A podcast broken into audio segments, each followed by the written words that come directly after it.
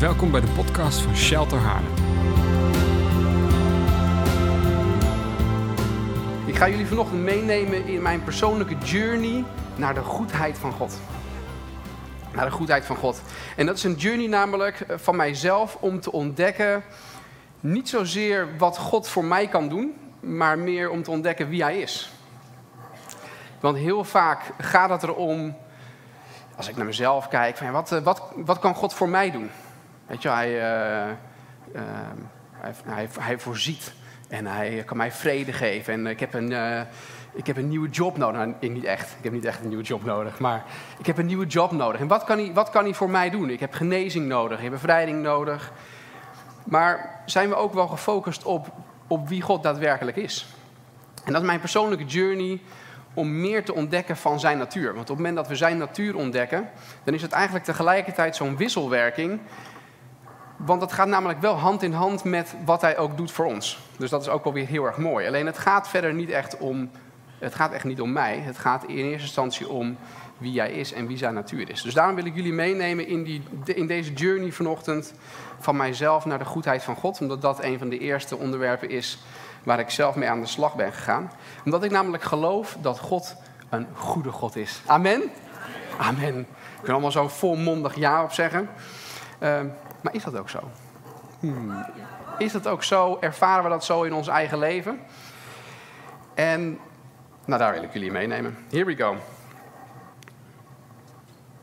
Psalm 23, vers 9. Daar staat: Proef en zie dat de Heer goed is. Welzalig de man die tot hem toevlucht nemen. Proef en zie dat de Heer goed is. Ik geloof dat de goedheid van God nooit bedoeld is om slechts als theorie te hebben, maar dat het altijd bedoeld is om te proeven en te zien. En ik geloof, terwijl ik dit ook zo uitspreek, dat er ogen geopend gaan worden om zijn goedheid te zien. Dat je zintuigen geopend gaan worden om zijn goedheid te proeven. Want, ons, want de bewustwording van zijn natuur bepaalt namelijk de mate waarin wij ook zijn goedheid ervaren. De bewustwording van zijn natuur bepaalt in welk level wij zijn goedheid kunnen ervaren. We zijn geroepen om de vruchten van zijn natuur te ervaren. En dus ook de vruchten van zijn goedheid.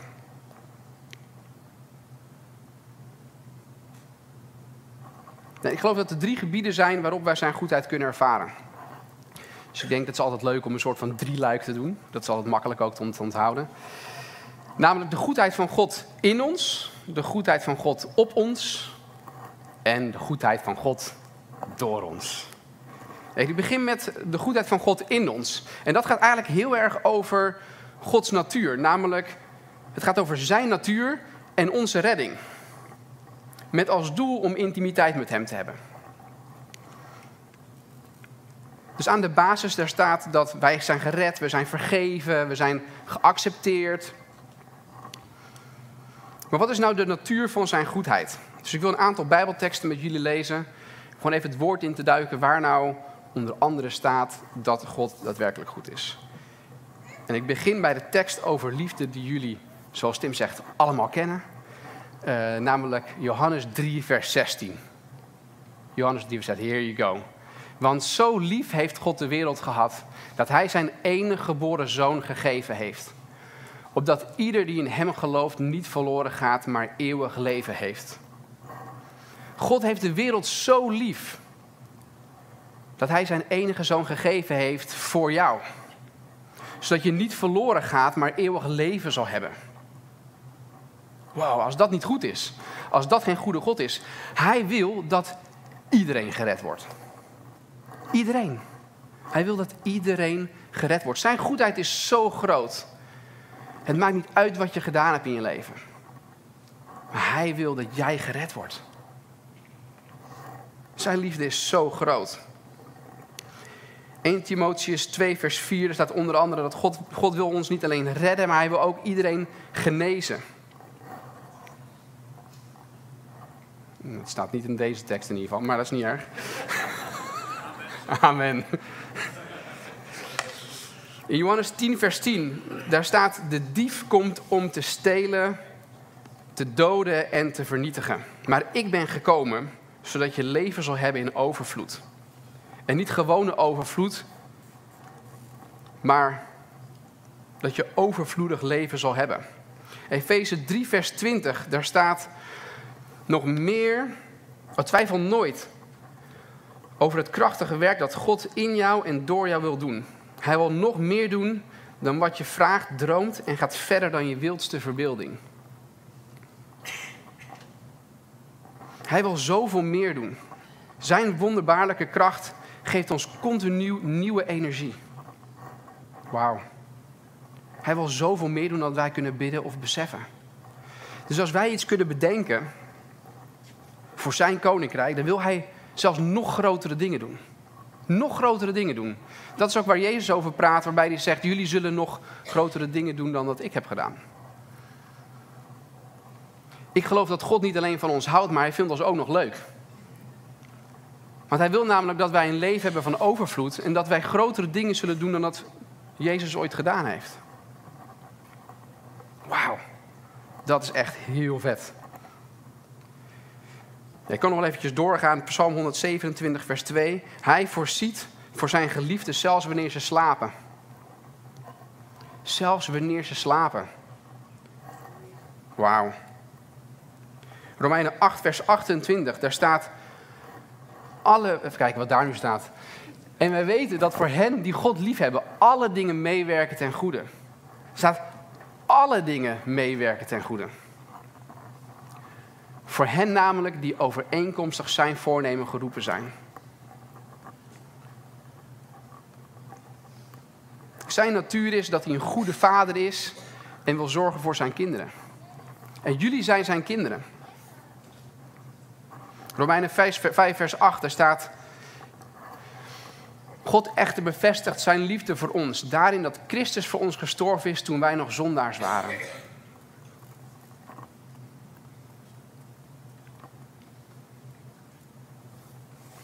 In Romeinen 2, vers 4, daar staat: Zijn liefde leidt ons tot bekering.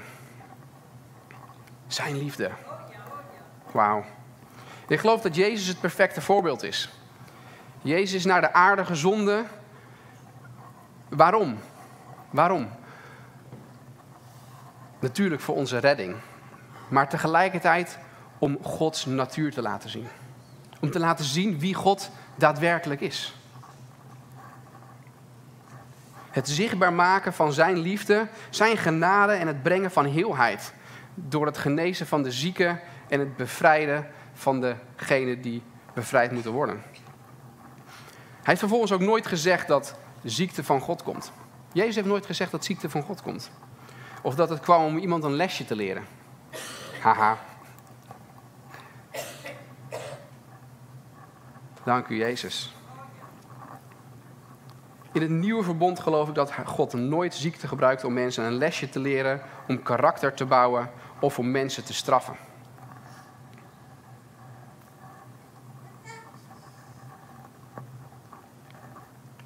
En dat is God in ons. We hebben het over zijn natuur. Zijn natuur, de natuur is dat hij goed is. Hij is 100% goed. En hij heeft ons vervolgens vanuit zijn natuur gered met als doel dat we intimiteit met hem mogen hebben. En dat is in ons. En vervolgens is het ook de goedheid van God op ons. En de goedheid van God op ons, dat kan je zien als wat hij ons geeft. Namelijk bijvoorbeeld zijn zijn gunst, zijn favor. Hij geeft ons vreugde, hij geeft ons vrijheid, hij geeft ons wijsheid. Maar ik moet ook denken aan de Heilige Geest. Ik heb het wel eens gehad over dat de Heilige Geest is in ons voor onszelf, maar hij is op ons voor anderen. ik geloof in dit geval, als ik denk aan dat de goedheid van God op, op ons is, ik geloof dat de Heilige Geest is aan ons gegeven. En dat dat laat zien wat de goedheid van God is. Hij wil met de Heilige Geest door ons heen werken.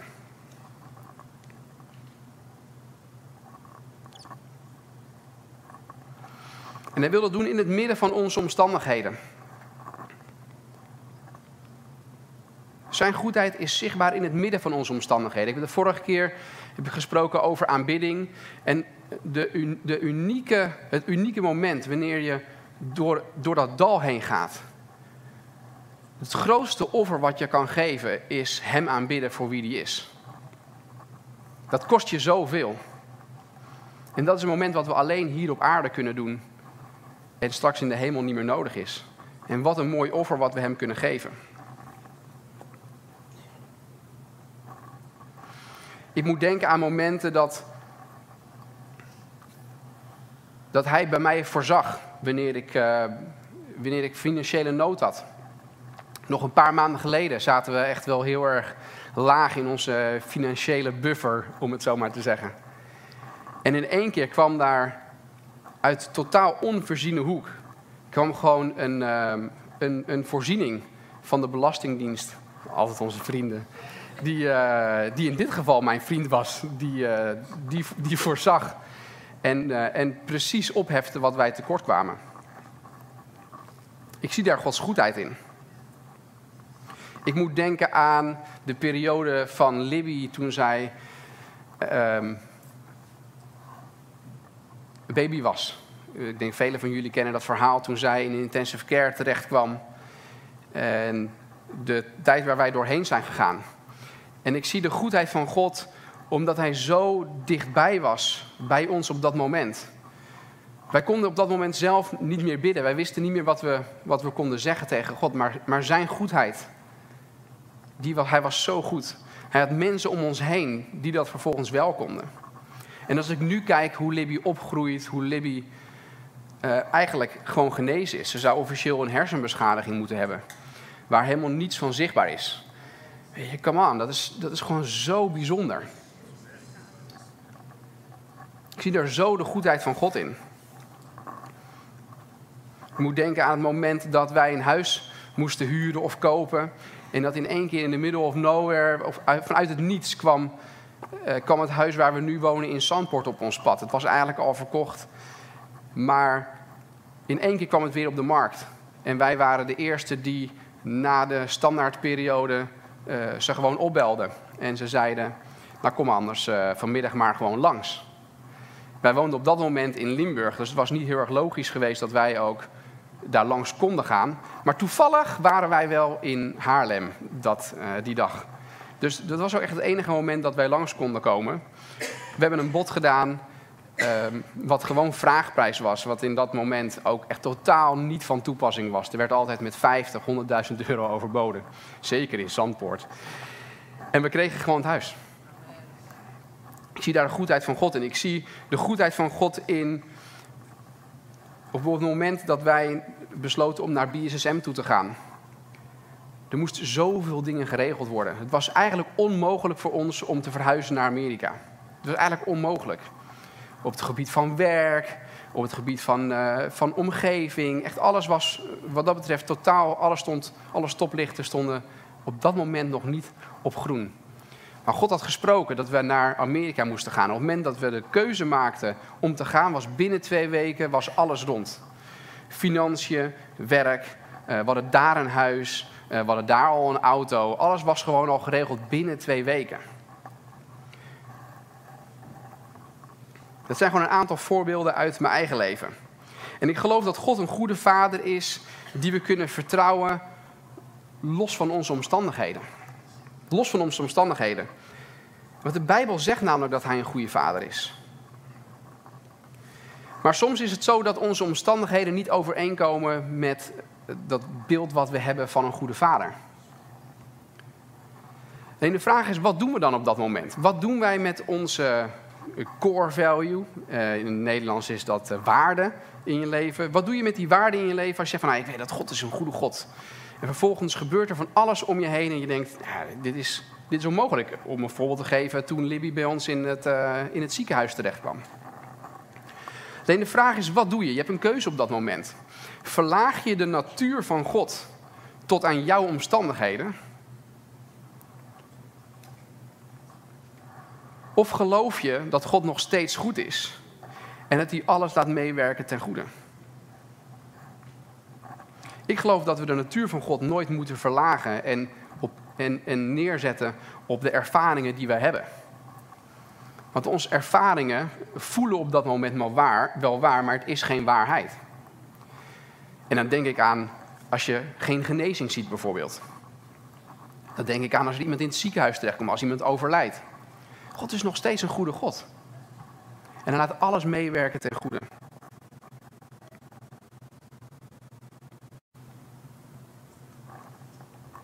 En als ik het heb over de goedheid van God, dan, dan moet ik ook denken aan de bewustwording die we dan ook moeten hebben over zijn goedheid. Want op het moment dat we niet bezig zijn met het zoeken van zijn goedheid, als we niet bezig zijn met het proeven van zijn goedheid en als we niet bezig zijn met het zien van zijn goedheid, als we onze ogen niet openen voor wat hij aan het doen is, dan laten we ons vaak leiden door onze omstandigheden. Maar ik geloof dat we bewustwording moeten hebben en dat we ons moeten positioneren om zijn goedheid ook te kunnen ervaren. Nou, en hoe doe je dat nou? Hoe doe ik dat nou?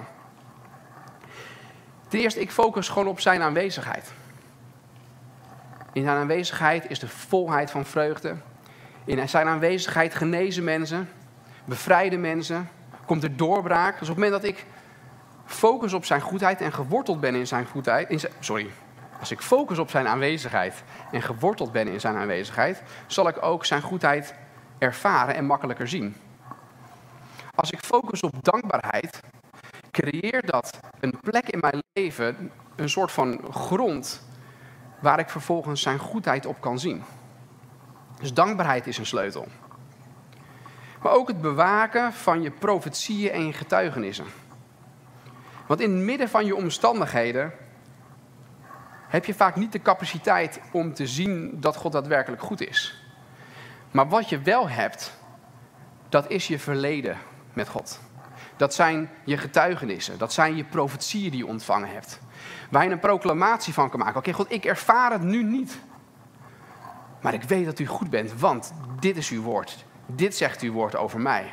Dit zegt, uw, dit zegt, uw, dit zegt de Bijbel over mij.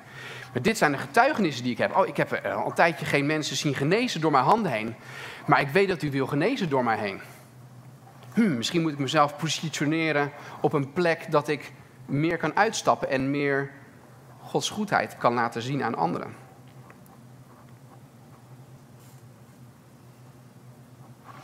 Als we kijken naar Romeinen 8, vers 28, daar staat: Alle dingen werken mee ten goede, in overeenstemming met de bestemming van God voor je leven.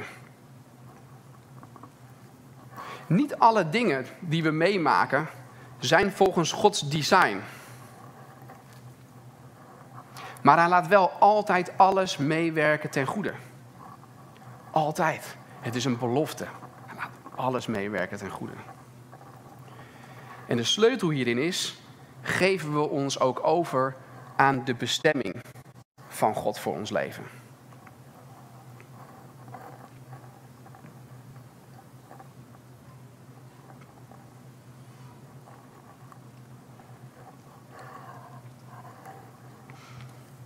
Dus we hebben de goedheid van God in ons. Zijn natuur en onze redding. We hebben de goedheid van God op ons. Dat is de gunst. Maar dat is ook dat hij alles laat meewerken ten goede. En de laatste, dat is de goedheid van God door ons. En dat vind ik nog de allermooiste. Omdat goed, God wil. Zo, heel veel woorden en weinig inhoud.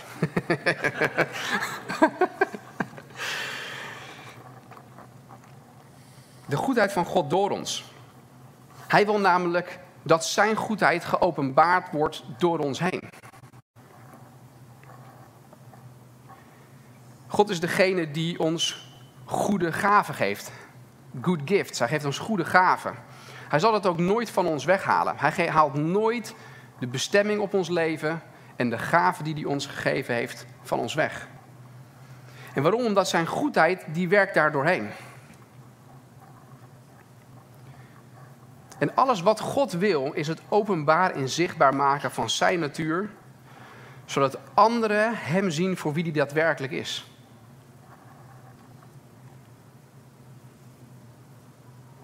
En wat we ontvangen hebben is namelijk ook nooit bedoeld om voor onszelf te houden. Het is altijd bedoeld om uit te delen. Wat we ontvangen hebben van God is nooit bedoeld om voor onszelf te houden, maar is altijd bedoeld om uit te delen. Ik denk bijvoorbeeld aan de gaven die hij ons geeft. Het is nooit bedoeld voor onszelf, het is altijd bedoeld voor anderen. Dat de Heilige Geest op ons komt, is dat nooit bedoeld voor onszelf, is het altijd bedoeld voor anderen. Onder mij, onder mij, weer heel veel woorden. Op het moment dat wij gezegend worden met financiële zegeningen, is het nooit bedoeld om voor onszelf te houden, is het altijd bedoeld om uit te delen.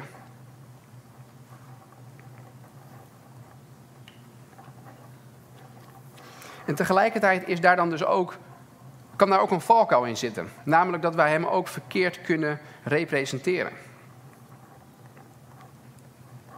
En dat is natuurlijk niet leuk om daarover te hebben, maar het is, het is mogelijk. Ik moet bijvoorbeeld denken aan een religieuze omgeving. Ik zit hier toevallig in een kerk ik hoop, dat, hoop en geloof dat wij geen religieuze omgeving zijn.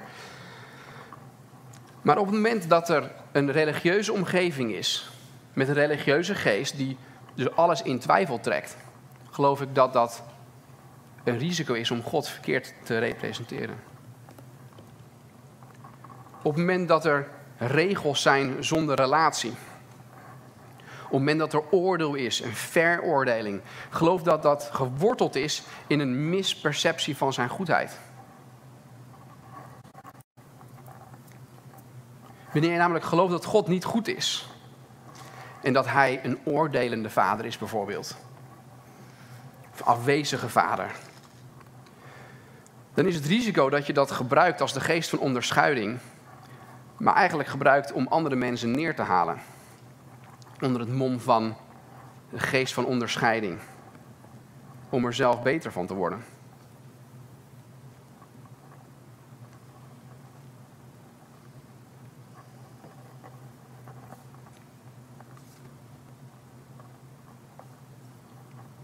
En dat is wel een openbaring, denk ik. Op het moment dat we ons bewust zijn dat dat, dat gedrag God niet goed weergeeft, waar zijn we dan soms mee bezig op social media op het moment dat wij eh, andere christenen afknallen? Laat dat dan die onderlinge liefde zijn, zichtbaar, zichtbaar worden, waarvoor we geroepen zijn, waardoor andere mensen tot geloof gaan komen. Laat dat zijn natuur zien. Of heb jij specifiek de geest van waarschuwen gekregen? Ja, ik geloof daar niet in. Ik geloof dat wij geroepen zijn om Gods goedheid weer te geven aan anderen. Want namelijk alleen Hij is degene die oordeelt. Op het moment dat wij ons gaan zetten op een plek dat wij mensen gaan, gaan oordelen, geloof ik dat we ons op gevaarlijk terrein gaan begeven. Weet je, en het is, je kan zeggen, het is menselijk. Uh, ik geloof wel dat we er vanaf kunnen komen. En ik ben zelf op een gegeven moment ook op een journey gegaan, samen met God, om mijn mening en oordeel van anderen, om dat af te leggen. En dat uh, kan ik je vertellen, was een, uh, was een pijnlijke journey. Ik geloof dat ik überhaupt wel redelijk goed bezig was in mijn leven. Maar toch bleek dat toen ik God de toestemming gaf om mij te laten zien wanneer ik een mening had over iemand. Dat kan zijn uh, hoe die eruit zag. Hele simpele dingen. Of uh, wat iemand deed. Of wat iemand vooral ook niet deed. Het is een pijnlijke journey geweest. Ik heb gezegd, God, ik wil, ik wil u goed weergeven aan de wereld. Ik wil uw goedheid laten zien en dat is niet door oordeel en meningen heen. Want mensen zullen de liefde van God ervaren door onze onderlinge liefde en eenheid. Come on. En wij zijn gezegend om een zegen te zijn. Psalm 67 zegt: Heer, zegen mij. Laat uw gezicht op mij schijnen. En schijnen, dat is een teken. Als zijn gezicht op ons schijnt, is dat een teken van goedkeuring. Laat uw goedkeuring op mij schijnen, zodat uw wil bekend zal worden op de aarde en uw natuur zichtbaar wordt door hoe u mij behandelt.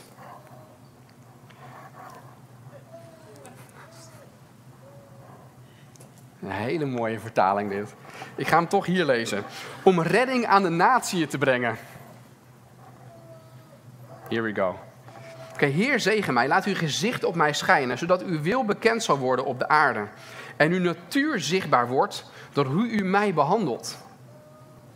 Om redding aan de natie te brengen. Dat betekent dus dat als zijn gezicht op ons schijnt en zijn goedheid schijnt op ons, kan je dat in lijn leggen met dat de natieën gered zullen worden. Als wij bezig zijn met het thema discipelschap hier in deze gemeente, en dat wij zelf discipelen willen zijn en andere mensen discipelen, die dan vervolgens ook weer mensen gaan discipelen, zodat de natie discipeld zullen worden, dan geloof ik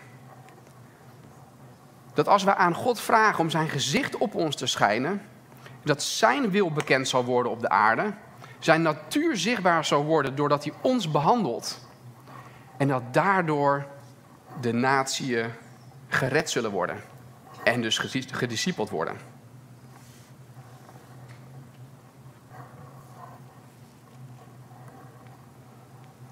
Dus ik zie de goedheid van God als een fundament in mijn leven.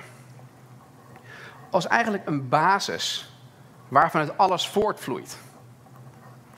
Is mijn fundament goed, dan gaat het ook de goede kant op. Als mijn fundament niet goed staat en wankel is, en er zitten nog misvattingen in de goedheid van God, dan kan het ook wel eens vervolgens de hele verkeerde kant op gaan. Maar ik geloof dat we geroepen zijn om de goedheid van God, van de Vader, door ons naar anderen te brengen.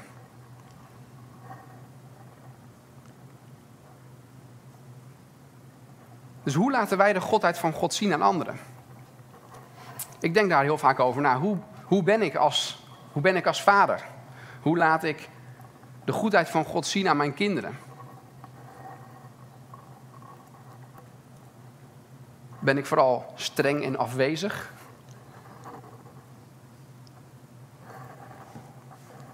Of laat ik de natuur van God zien? No judgment. Hoe laat ik dat zien aan de mensen waar ik mee samenwerk? In mijn karakter en mijn houding. Hoe laat ik dat zien aan mijn buren? Aan onze onderlinge liefde zullen mensen de Vader kennen. En hoe kunnen we nou nog meer goed, God, Gods goedheid goed weergeven? Ik gebruik daar het woord sozo voor. En dat is heelheid in geest, ziel en lichaam. Ik geloof dat wij geroepen zijn als christenen om Gods goedheid te laten zien door heelheid in geest, ziel en lichaam. En dat we dus andere mensen mogen helpen om de goedheid van God te zien op die gebieden. Ik geloof dat we het zien doordat we vreugdevol zijn. Onze redding in God en de hoop die we gekregen hebben, die zou vreugde moeten voortbrengen. Is mijn glas altijd half leeg? Of half vol? Hoe geef ik God weer? Dat zijn dingen waar ik over nadenk. Breng ik hoop? Of breng ik angst?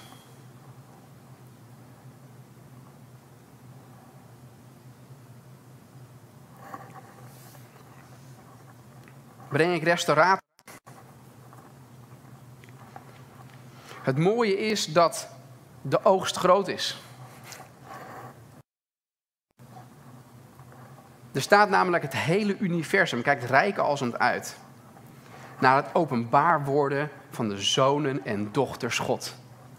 Het hele universum kijkt uit naar het openbaar worden naar de zonen en dochters van God. Maar ik geloof op het moment dat wij alleen maar angst zaaien over een hel bijvoorbeeld, vraag ik mij soms af of dat wel de goedheid van God laat zien. En of dat dan dus ook ervoor zorgt dat, we, dat het hem daadwerkelijk rijkhalsend uitkijkt naar de woorden die wij delen.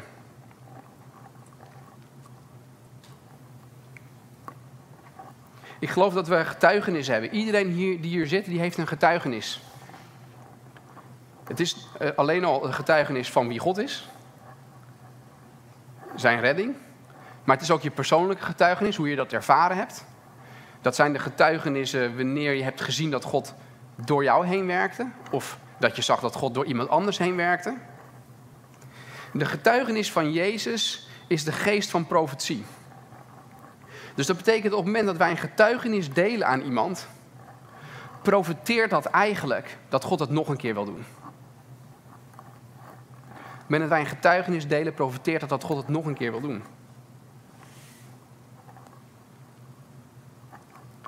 En ik zei het net al, God wil nog grotere dingen doen dan dat wij ooit kunnen bidden of beseffen. Nog grotere dingen.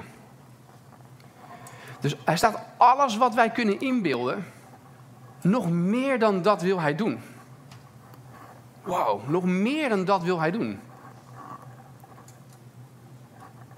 Dus ik geloof dat we geroepen zijn om grote dromen.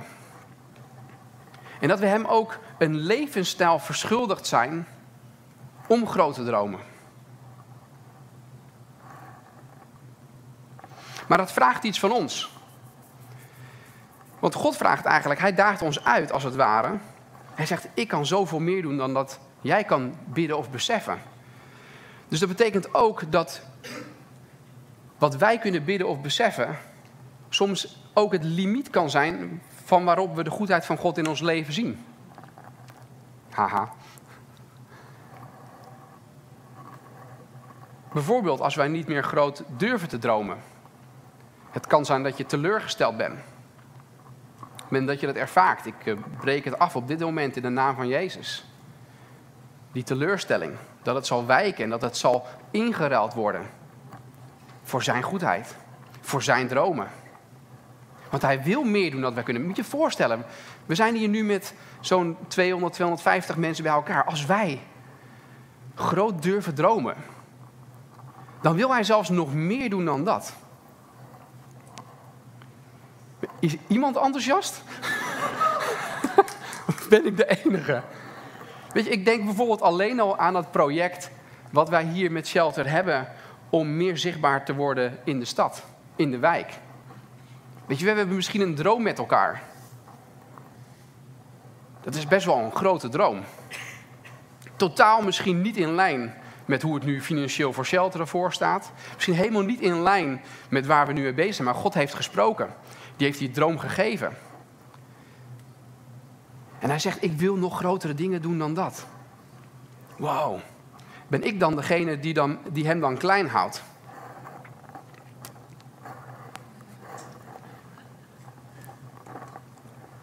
En ik geloof dat het ontdekken van Gods goedheid, dat het een reis is. Waar we bijna verplicht toe zijn om te gaan ontdekken.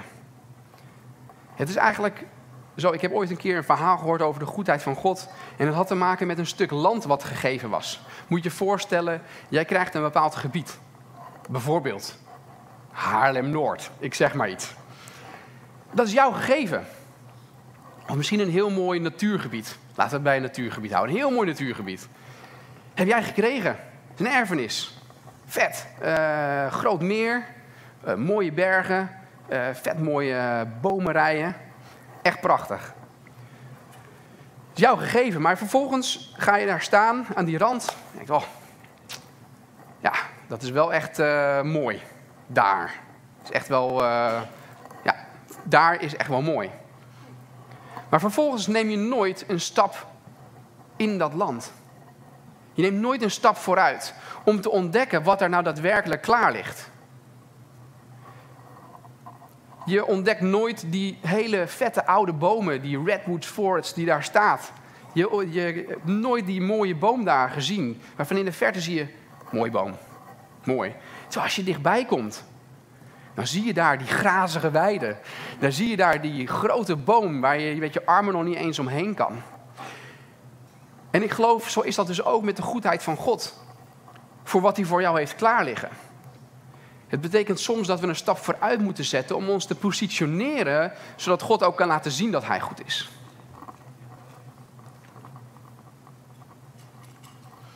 Zijn we soms bereid om een stap vooruit te zetten, een risico te nemen, dat gebied in? Het is onze erfenis.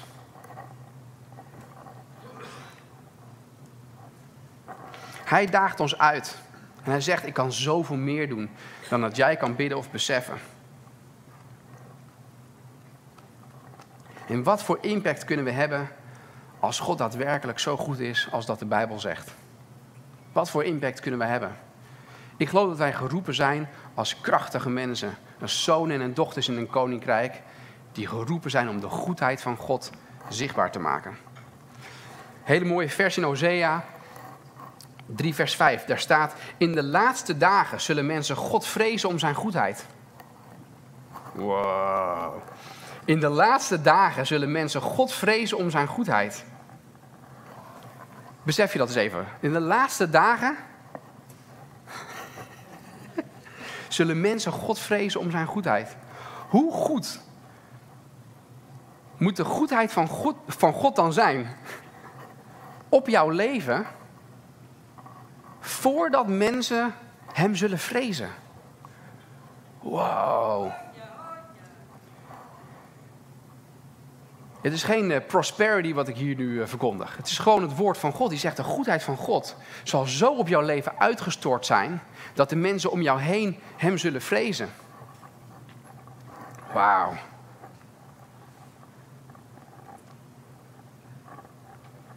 We zullen nooit onze potentie bereiken los van de capaciteit om te dromen. En op het moment dat je hier zit en je hebt die capaciteit om te dromen verloren, door teleurstelling, door ervaringen uit het verleden, wil ik je uitdagen en oproepen om niet Gods natuur en Gods standaard naar beneden te halen om jouw omstandigheden te matchen, maar dat wij vervolgens ons gaan matchen naar zijn natuur. En ook al zien we het niet, he is working.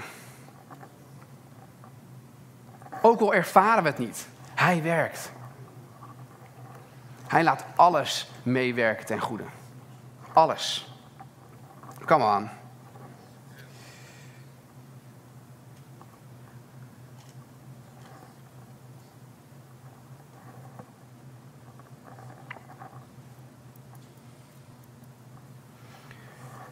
Dus als laatste een korte samenvatting. We hebben de goedheid van God in ons. Dat is zijn natuur en redding voor ons leven om een relatie met Hem te hebben. Dat is de goedheid van God op ons. Dat is de gunst, de Heilige Geest.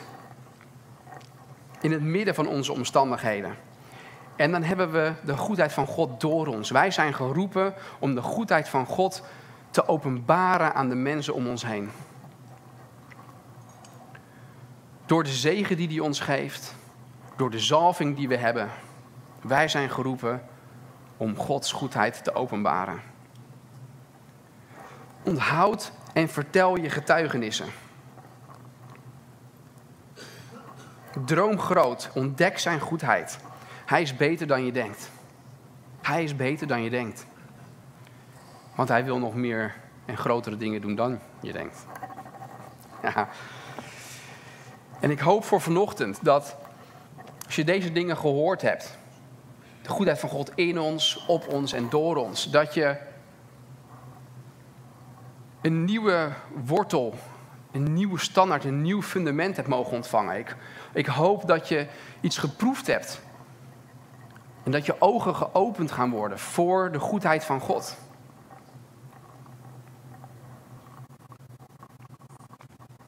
En dat je nooit meer in twijfel zal trekken dat God daadwerkelijk een goede God is. Want op het moment dat dat het fundament is in ons leven als christen, dan is alles mogelijk alles mogelijk. Voor hem die hem zoeken. Jullie gaan staan.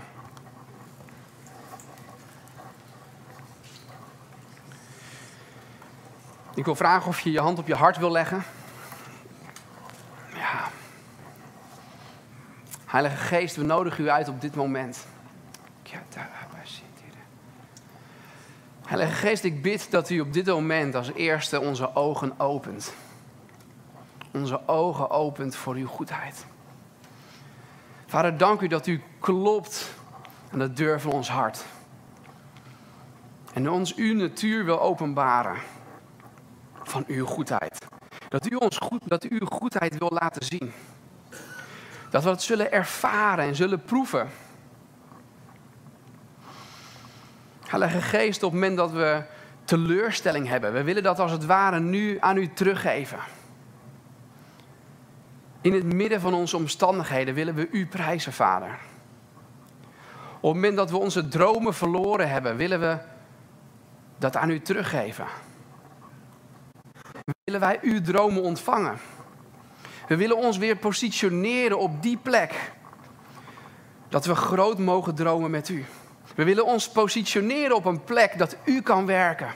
We willen ons positioneren op een plek waarbij we soms risico moeten nemen. Maar waar u werkt en waar u zichtbaar gaat worden. Vader, en dat is het verlangen wat ik heb vanochtend voor iedereen die hier zit. Dat we onderdeel mogen zijn. Dat als het universum rijkhalsend uitkijkt naar het openbaar worden van de zonen en dochters van God, dat wij daar een onderdeel van mogen zijn.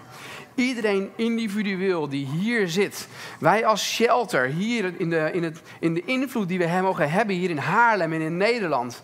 Vader, ik bid dat uw goedheid zichtbaar zal worden door ons heen. Vader, ik bid dat wij geen misrepresentatie zullen zijn van wie u bent, maar dat wij u op een goede manier weer zullen geven. Als er dingen zijn in ons karakter, vader, ik bid dat uw Heilige Geest dat op dit moment ook gewoon openbaart. Ik denk dat u dat al openbaard heeft tijdens deze, tijdens deze preek. Maar als er dingen zijn die we anders zouden moeten doen in ons leven, betekent niet dat je het fout doet. Maar ik geloof dat we soms mogen werken aan ons karakter om Hem goed weer te geven. En Heilige Geest, wij nodigen u uit. We hebben u nodig. Want zonder u zijn wij niets. U heeft uw geest uitgestort op de aarde om u zichtbaar te maken. En dus uw goedheid. Heilige Geest, en daarom willen we u op dit moment omarmen. We willen ja zeggen tegen u. We willen ons bewust zijn voor wat u aan het doen bent. Heilige Geest, vertel ons, wat bent u aan het doen? Op het moment dat wij op ons werk zijn, op school, met onze buren praten, wat bent u aan het doen? Hoe kunnen wij uw goedheid weergeven? Dat bid ik zo in de naam van Jezus. Amen. Dank voor het luisteren naar onze wekelijkse podcast. De missie van Shelter is Gods Koninkrijk zichtbaar maken in onze wereld. Wil je onze gemeente financieel ondersteunen in deze missie? Ga dan naar www.shelter-haarlem.nl geven.